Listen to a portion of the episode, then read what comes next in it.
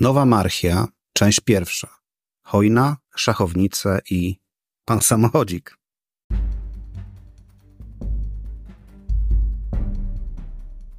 Ryszard Kapuściński powiedział: Wszak istnieje coś takiego jak zarażenie podróżą i jest to rodzaj choroby w gruncie rzeczy nieuleczalnej. Będzie to podcast o podróżach do miejsc niedalekich, o bogatej historii Polski i regionu, o miejscach osiągalnych dla każdego i o moich przemyśleniach w historycznych miejscach. Zapraszam, Marcin.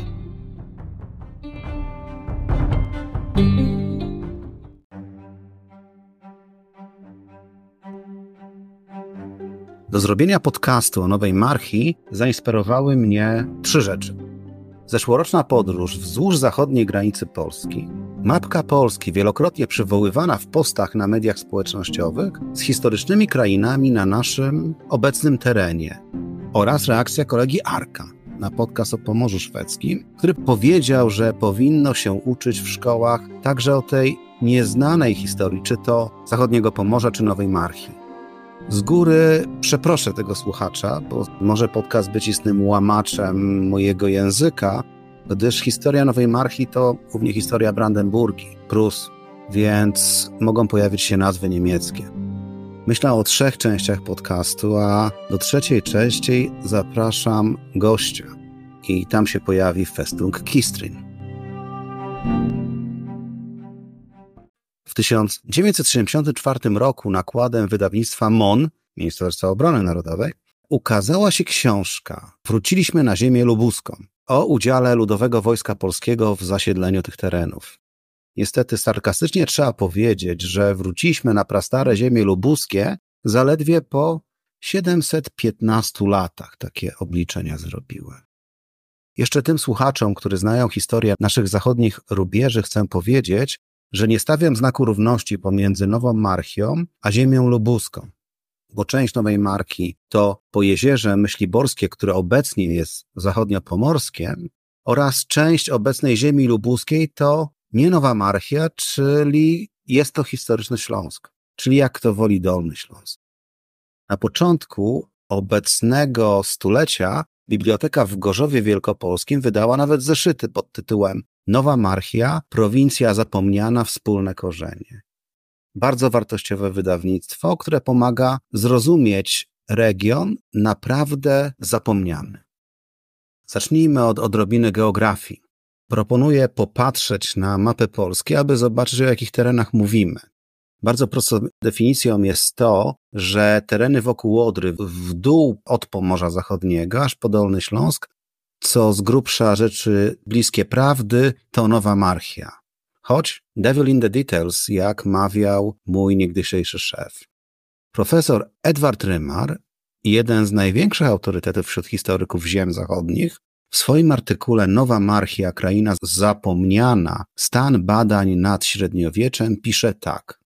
Nowa Marchia powstała na dawnym terytorium pomorskim, po roku 1250 margrabiowie z dynastii askańskiej tworzą przybudówkę Brandenburgii. Początek dało terytorium posagowe Konstancji Wielkopolskiej. Terytorium posagowe to prawobrzeżna kasztelania santocka, dająca początek nowej marchi. Tak pisze pan Rymar. Konstancja Wielkopolska to najstarsze dziecko Przemysła I, księcia wielkopolskiego i siostra koronowanego na króla Polski Przemysła II. Jej małżeństwo z margrabią brandenburskim Konradem miało ustabilizować wojenne napięcia między Brandenburgią a księstwem wielkopolskim. Skończyło się na zalążku nowego niemieckiego tworu na terenach powiedzmy słowiańskich. Santok to dzisiaj wieś położona u zbiegu rzek, przy ujściu Noteci do Warty. O północy Nowej Marchi z kolei pan profesor pisze, na północy zabrakło granicy naturalnej. Tworzyły ją ziemie świdwińska, drawska, choszczeńska, myśliborska, lipiańska, chojeńska, po części i nie zawsze pełczycka. Te nabytki brandenburskie określano terminem terra trans oderam, Nowa Marchia to jeszcze okolice Kostrzyna nad Odrą i Gorzów Wielkopolski, za chwilę o nim powiem.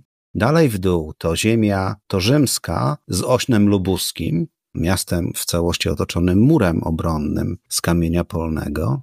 Torzym to też Nowa Marchia, czy Frankfurt nad Odrą, czyli miasto po drugiej stronie Słubic. Kolejne ziemie włączone do Nowej Marchii w XV wieku to Lubsko i Krosno Odrzańskie, o którym opowiadałem w jednym z moich pierwszych podcastów. Także Żary, które były moją bazą wypadową do żagania, a żagań to mój piąty podcast. Dodatkowo pod koniec wieku XV w skład Nowej Marchii weszły Dolne Łużyce z Chocieburzem, czyli dzisiejszym Kotbas, Kotbus. Łużyce i Krosno Odrzańskie, tak jak już mówiłem, pojawiły się w moich poprzednich podcastach. Istnieje spór co do ziemi torzyńskiej, ale mam nadzieję, że w tym czy następnym odcinku podcastu, jak nie zapomnę, sprawę wyjaśnię. Jednakże termin Nowa Marchia, czy po niemiecku Neumark, uwaga, tam nie ma T, aż kusi, żeby powiedzieć Neumarkt, ale to by zupełnie inne dało znaczenie nazwie.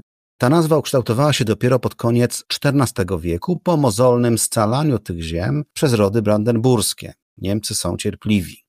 Tereny Nowej Marchi są raczej polodowcowe, tak geograficznie. Czyli mamy tutaj liczne wzgórza, pofałdowania terenu, a w obniżeniach są jeziora. Jeżeli pojawiają się równiny, to są to równiny, które są skutkiem działania również lodowca, przesuwającego się lodowca.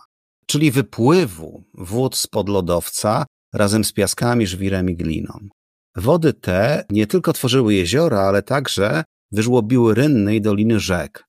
Z północy do Dolnej Warty wpływały rzeki Witna i Kłodawka. Do Dolnej Noteci z kolei wpływają Drawa i Gwda. Do Odry poniżej Warty wpływają rzeki Myśla i Różyca. Po stronie północno-zachodniej mamy rzeki Ina i Płonia, a one z kolei znajdują ujście w Zalewie Szczecińskim. Są jeszcze rzeki Rega i Parsenta, które idą wprost do Bałtyku. Tak więc widzimy, że choć teren nie sprzyja osadnictwu, bardzo dobrze nadaje się do obrony, co niejednokrotnie da o sobie dać w historii. Lesistość i pofałdowanie opóźniały również szybki rozwój rolnictwa na tych terenach, chociaż okształtowanie terenu obecnie czyni ten obszar bardzo atrakcyjnym turystycznie, więc tutaj chcę w podcaście ubolewać, że miejsca te nadal są mało rozwinięte turystycznie w porównaniu z Mazurami na przykład. Tyle geografii, pochylmy się nad historią lub prahistorią tego regionu. Najstarsze ślady pobytu człowieka pochodzą z końca starszej epoki kamiennej. No i jest hipoteza, że pierwsze mieszkańcy tych terenów przybyli z Afryki Północnej, w ślad, uwaga, za reniferami. Są to przedstawiciele tak zwanej kultury tardenauskiej, bez względu na to, co, co to znaczy. Typowe dla tej kultury są kamienne trójkątne ostrza, grotów strzał czy sztyletów i harpunów co potwierdzają archeologiczne odkrycia śladów obozów, obozowisk tak naprawdę nad Dolną Odrą czy Wartą. Potem następuje młodsza epoka kamienna, gdzie przybywa tutaj już ludność rolnicza, czy nie łowiecka gospodarka, tylko rolnicza, z nadśrodkowego Dunaju, posiadająca umiejętność na przykład lepienia naczyń i wyrobu kamiennych narzędzi rolniczych. Na terenach Nowej Marki odkrywano narzędzia z epoki brązu, czyli ponad tysiąc lat przed naszą erą, na przykład siekierki, najprawdopodobniej sprowadzone z Anglii. Potem odnajdujemy ślady kultury łużyckiej, którą niesłusznie nazywa się prasłowiańską, gdyż obecnie podważa się hipotezę autochtonicznego pochodzenia Słowian. Ci z kolei mogli tu pojawić się około VII wieku naszej ery, bo takie są znaleziska grobów i osad, i tym znaleziskiem jest na przykład wspomniany przeze mnie już Santok, nazwany przez Gala Anonima kluczem i strażnicą państwa polskiego niegdyś. Więc zastanówmy się, jakie plemiona mogły zamieszkiwać rejon Nowej Marchi, obecnej Nowej Marchi, za czasów przedpiastowskich i może piastowskich nawet. Geograficznie jest to teren przejściowy między Śląskiem a Pomorzem, Wielkopolską i Brandenburgią, a jeszcze wcześniej to teren pomiędzy państwem piastowskim a Związkiem Wieleckim, czyli Słowianami żyjącymi po zachodniej stronie Odry, jeszcze przed Brandenburgia. Czyli pierwsze plemię, które tu mieszkało, to najprawdopodobniej historycznie Lubuszanie, których nazwa pochodzi od grodu Lubsza. W źródłach niemieckich nazwani są w zlatynizowanej formie Loibusi, Leubusi. Drugi, nie bez znaczenia słowiański komponent, to komponent północny, czyli Pomorzanie, czyli Kaszubia, a może nawet w Krzanie z okolic Szczecina, którzy mogli pojawić się z kolei w okolicach Chojny czy Trzcińska Zdroju. Ze wschodu będziemy mieli Polan, czyli protoplastów Polaków, a z południa Dziełoszan, o których także opowiadałem w podcaście przy okazji o żaganiu. Nie jest wykluczona obecność wieletów w okolicach dzisiejszych Słubic i Frankfurtu. Co więcej, niektórzy utożsamiają Lubuszan i Wieletów jako jedno plemię. Czyli mamy miks różnych plemion słowiańskich i tereny, które chce politycznie podporządkować sobie państwo polskie a także z Wiolęzek Wieleckich, a także państwo pomorskie. Polska musiała kontrolować Lubusz po stronie północno-zachodniej, aby przeciwstawić się najazdom wieleckim.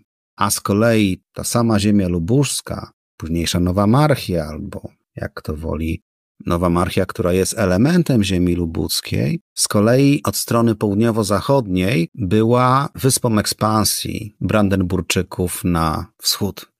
Zacząć należy od tego, jak to było za Piastów, bo tak naprawdę ta cała historia w 45 zbudowana do, do narracji, że wrzuciliśmy na piastowskie ziemie, okazuje się nawiązywać do tego, o czym za chwilę powiem.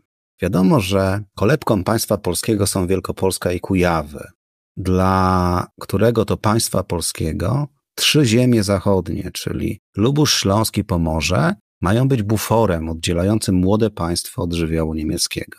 Dla naszego antagonisty, państwa brandenburskiego, ziemie wraz z Wrocławiem i Szczecinem mają być bramą do wschodniej ekspansji.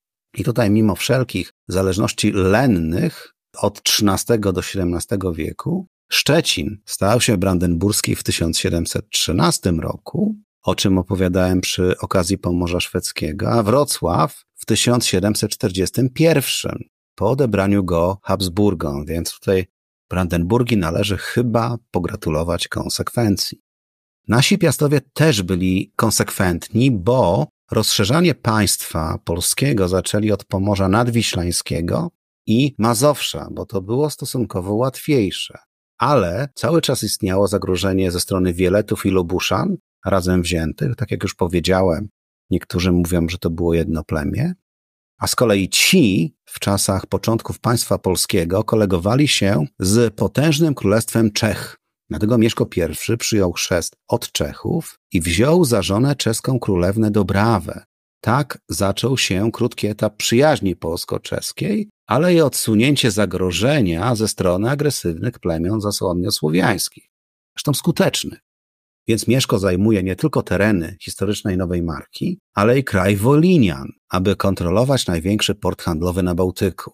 To jest temat w ogóle na inny podcast i trochę zbieram materiałów na jego temat. Dołączając do księstwa Polan Pomorze Zachodnie, późniejsza, późniejsze tereny Nowej Marchi mają znaczenie pomostowe połączeniu ze Śląskiem, a także kontrolowania Odry na całej długości, jeszcze wtedy ktoś o tym myślał. Dzisiaj mamy Odrę i nie używamy jej jako źródło transportu. Jak już wspomniałem, Pomorzem była zainteresowana Brandenburgia, więc musimy odnotować brzemienną w politycznych skutkach bitwę pod Cedynią z roku 972, zakończoną zwycięstwem Mieszka i Czcibora nad margrabią Chodonem. Bitwa pod Cedynią miała bardzo pozytywny wpływ na umiejętności językowe młodego księcia Bolesława, który wszak był zakładnikiem na dworze cesarza Ottona. Za wspomnianego Bolesława Chrobrego zainteresowanie państwa polskiego skupiło się raczej na dolnej części późniejszej Nowej Marchi, a chodzi tutaj o konflikt z Niemcami o Łużyce, o którym opowiadałem w podcaście o Serbach i Budziszynie. Bolko tłucze się z Henrykiem II, cesarzem niemieckim.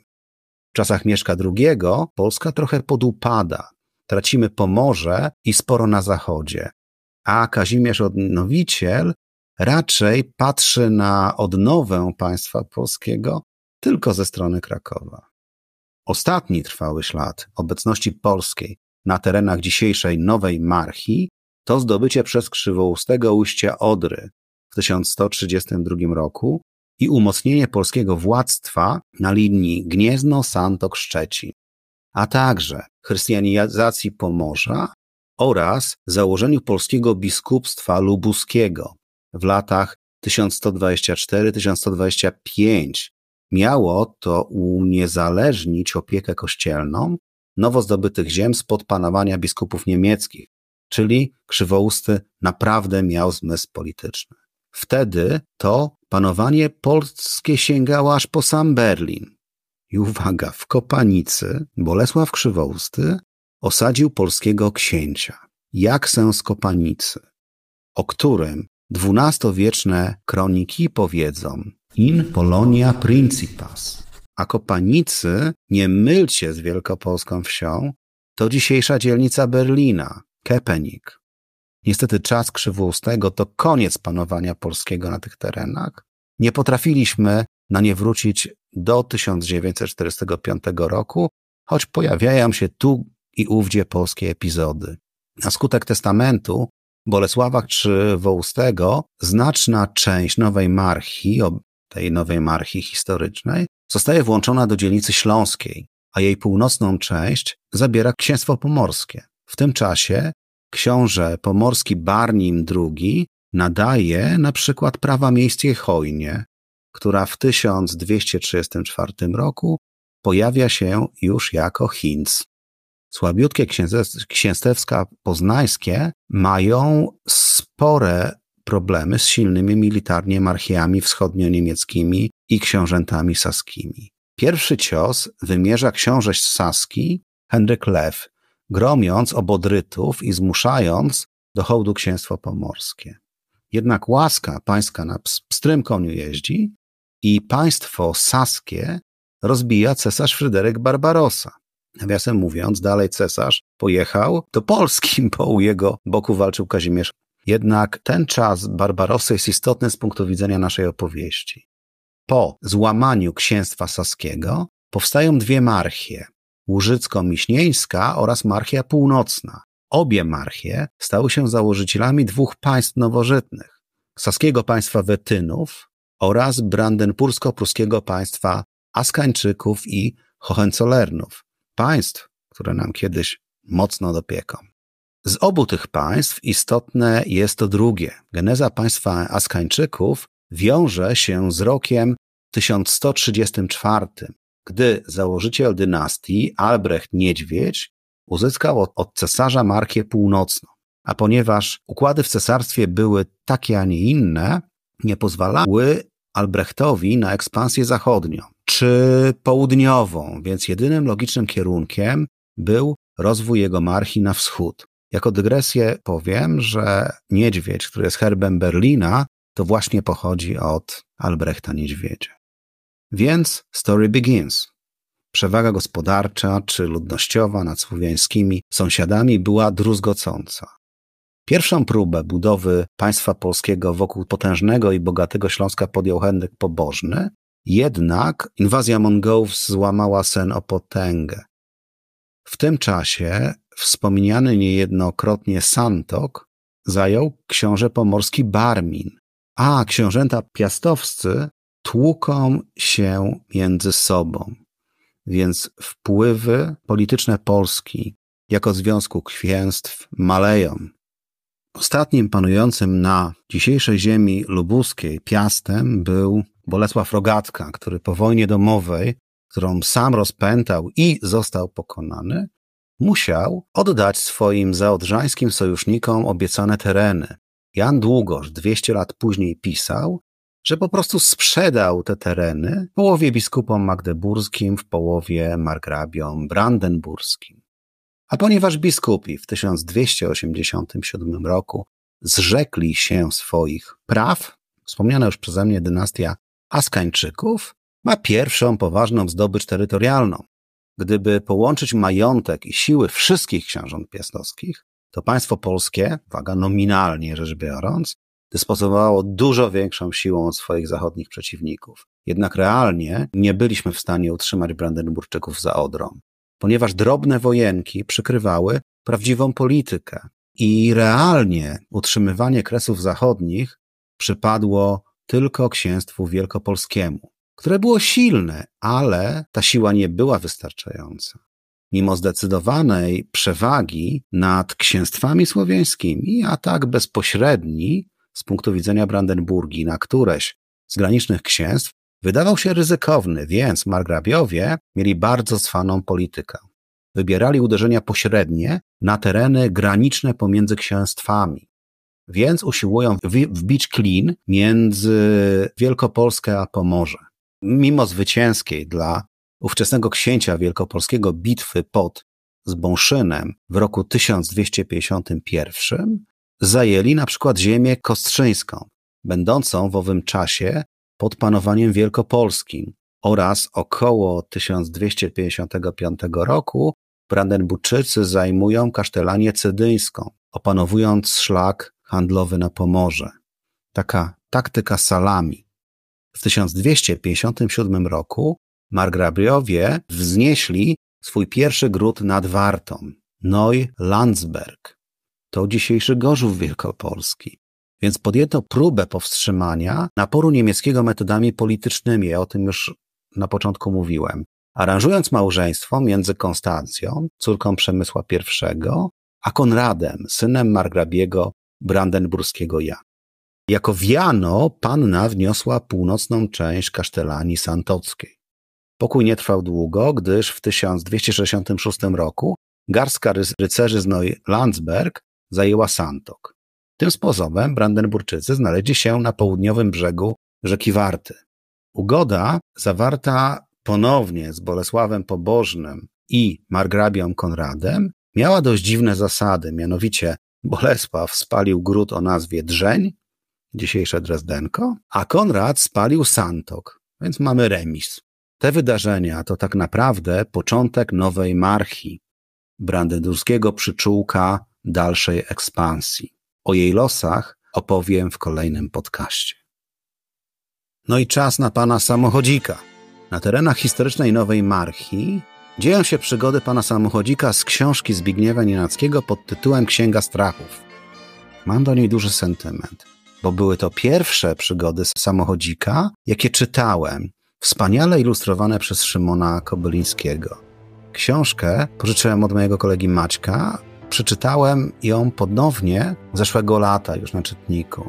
I elementem urlopu była również podróż śladami Księgi Strachów na Pojezierzu Myśliborskim. Opowieść rozpoczyna się, kiedy młodzi przyjaciele pana Tomasza, znani już na przykład z historii o templariuszach, opowiadają dziwną historię, jaka przydarzyła im się właśnie na Pojezierzu Myśliborskim. I tak po początkowych perypetiach nawiązuje się wyprawa oraz związek tajemniczej szachownicy.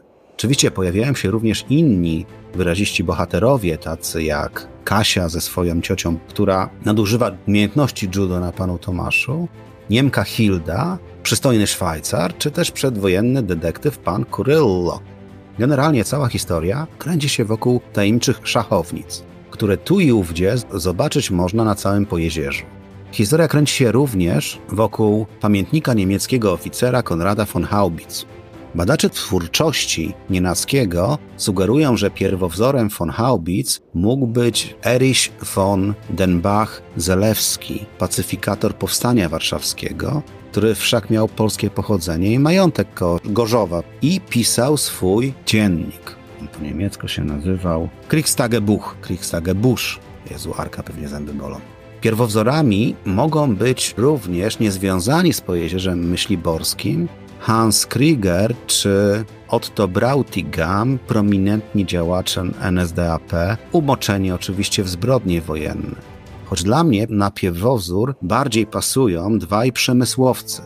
Friedrich Flick, przyjaciel Geringa, który w swoich fabrykach zatrudniał żydowskich więźniów obozów koncentracyjnych, czy Konrad von Borsig, którego kompresory możemy zobaczyć do dziś w niejednym zakładzie chemicznym, czy też jego walcownię w hutach. Podobno ktoś z lokalsów z okolic Myśli Boża powiedział, że to był pierwowzór haubica. Haubic też pasuje, haubic, haubica, pasuje też do Borsiga metalurgicznie.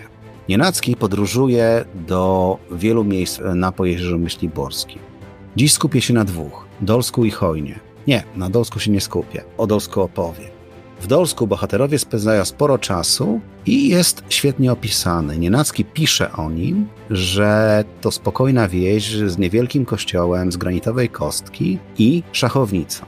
Bardzo cieszę się, bo szachownicę odnalazłem. Z kolei Hojna, której bohaterowie spędzają sporo czasu, to głównie opis miejscowości i ruin kościoła mariackiego oraz murów obronnych miasta. Jest tam jeszcze historia platanu, który miał być prasłowiańskim drzewem, ale mój stosunek do prasłowiańskich genes i historii czy prasłowian o nim opowiedziałem wcześniej. Więc dzisiejszym miejscem oczywistym będzie Hojna.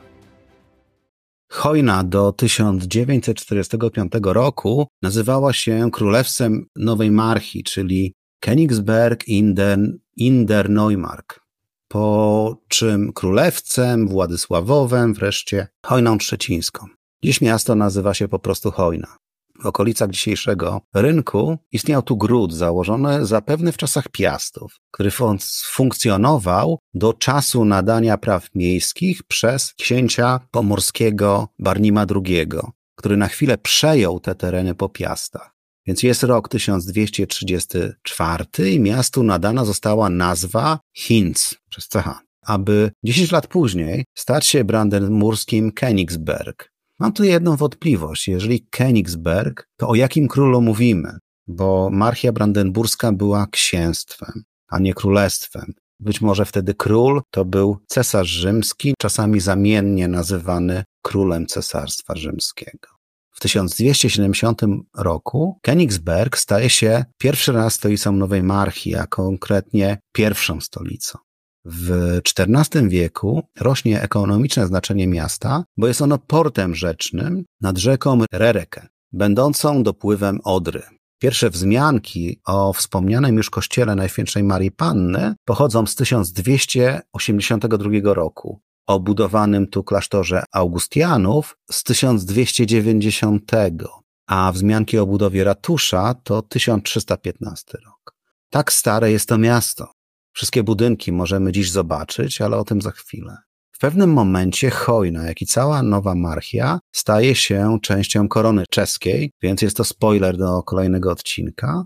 Co więcej, miała być wykupiona przez księcia Władysława Łokietka, wtedy to księcia, ale ubiegli nas krzyżacy. Ucierpiała trochę podczas wspólnego rajdu Kazia Jagiellończyka i Husytów nad morze, kolejny spoiler, ale rozwijała się dalej. Podczas wojny trzydziestoletniej stacjonowali tu zarówno król Szwecji, Lew Północy, jak i Wallenstein, czeski dowódca Ligi Katolickiej, prawa ręka Habsburgów, i tu odsyłam znów do podcastu o Pomorzu Szwedzkich. Swoją drogą Wallenstein zasługuje na odrębny podcast, co się dało zauważyć po publikacji krótkiego postu na jego temat na moich profilach w social mediach.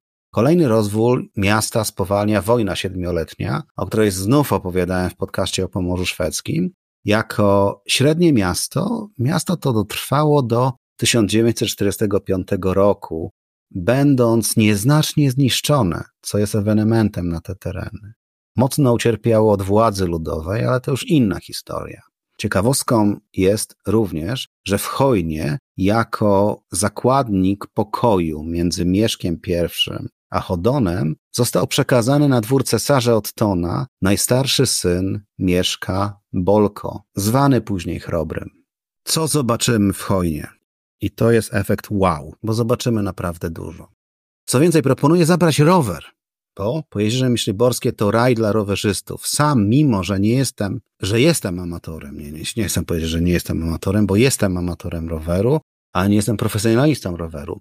Zabrałem tu mój dwukołowy pojazd, ale o trasach rowerowych powiem następnym razem, bo to jest naprawdę interesujące. Zwiedzanie miasta zacznijcie od, powiedziałbym, końca, czyli od cmentarza żołnierzy radzieckich. Ciekawe, nie? Polecam zwiedzanie gotyckiego miasta albo miasta z gotyckimi zabytkami od cmentarza żołnierzy radzieckich. Ale ten cmentarz to jakiś paradoks. Bo abstrahując od wkładu żołnierzy sowieckich w zdobycie tych ziem, na cmentarzu znajdują się ruiny średniowiecznej kaplicy świętej Gertrudy, czyli to jest swoiste połączenie ufundowanej w 1490 roku kaplicy i dość mrocznych historii końca wojny.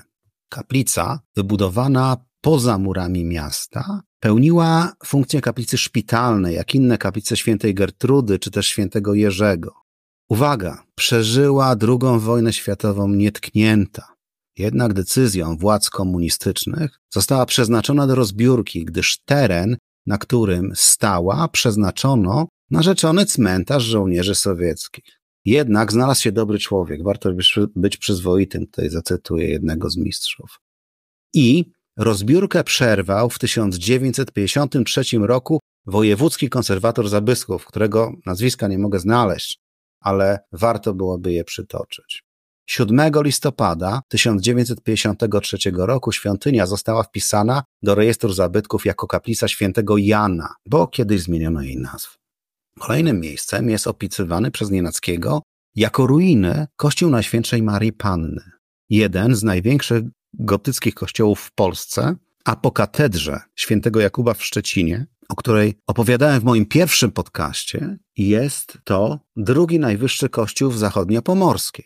Ruiną był w czasie pisania pana samochodzika, obecnie odbudowany jako zapierające dech dzieło sztuki sakralnej. Obłęd, więcej nie powiem. Rok temu spóźniłem się na wejście na wieżę kościoła, ale podobno w dalszym ciągu udostępniona jest ona zwiedzającym, więc można zobaczyć całą hojnę i wszystko wokół hojny. Piękne w obecnej funkcji kościoła jest to, że kościół jest własnością samorządową i służy zarówno katolikom, jak i luteranom. Coś takiego widziałem tylko w Szwajcarii. Ciekawostką jest, że kościołem początkowo władali templariusze i muszę to trochę podrążyć. W Honie zobaczymy również poaugustiański gotycki kościół świętej Trójcy, który po sekularyzacji, niestety, w 1556 roku został pechowo zamieniony na magazyn. Na szczęście przetrwał wraz z dwoma z trzech skrzydeł zabudowań klauzury wraz z przyległymi krużgankami. Obecnie zabudowania klasztorne są zaadoptowane na pomieszczenia mieszkalne i salki katechetyczne. Także dobrze z tym poszło. No i wspomniany już ratusz. Przepiękny gotycki ratusz, jeden z niewielu takich w okolicy. 700-letnia budowla, dobrze odrestaurowana. Na sam koniec mury obronne z dwoma bramami, barnkowską i świecką. I chodzi tutaj o świecie nad Odrą, a nie świecie nad Wisłą. Naprawdę warto to wszystko zobaczyć, warto zamknąć oczy i pomyśleć, jak wiele historii wiąże się z tym miastem. Zawsze boli mnie to, jak niewiele wiemy o naszych zachodnich rubieżach. Cieszy mnie to, że wspominane w książce Nienackiego ruiny kościoła nie są już ruinami, bo ta budowla jest naprawdę przepiękna. Martwi mnie z kolei to, że Hojna jest takim sobie sennym miastem z dwoma restauracjami, czasami, w której czasami można zobaczyć Niemców ze Szwed, ale tak naprawdę miasto nie żyje turystycznie, a to jest też nasza historia. Zapomnijmy o tym, czy to było polskie, czy brandenburskie, czy inne. To jest po prostu kawałek naszej historii, kawałek przepięknych gotyckich budowli. Niewiele powiedziałem o szachownicach, powiem o nich w kolejnym podcaście. I na koniec chciałem pozdrowić mojego kolegę Piotra, którego zachęciłem do wizyty na Pojezierzu Myśliborskim swoim kamperem i Piotrek tam pojechał i znalazł chyba wszystkie szachownice. Ja byłem mniej wytrwały. Także Józef, pozdrawiam Cię. Tyle na dzisiaj. Do usłyszenia.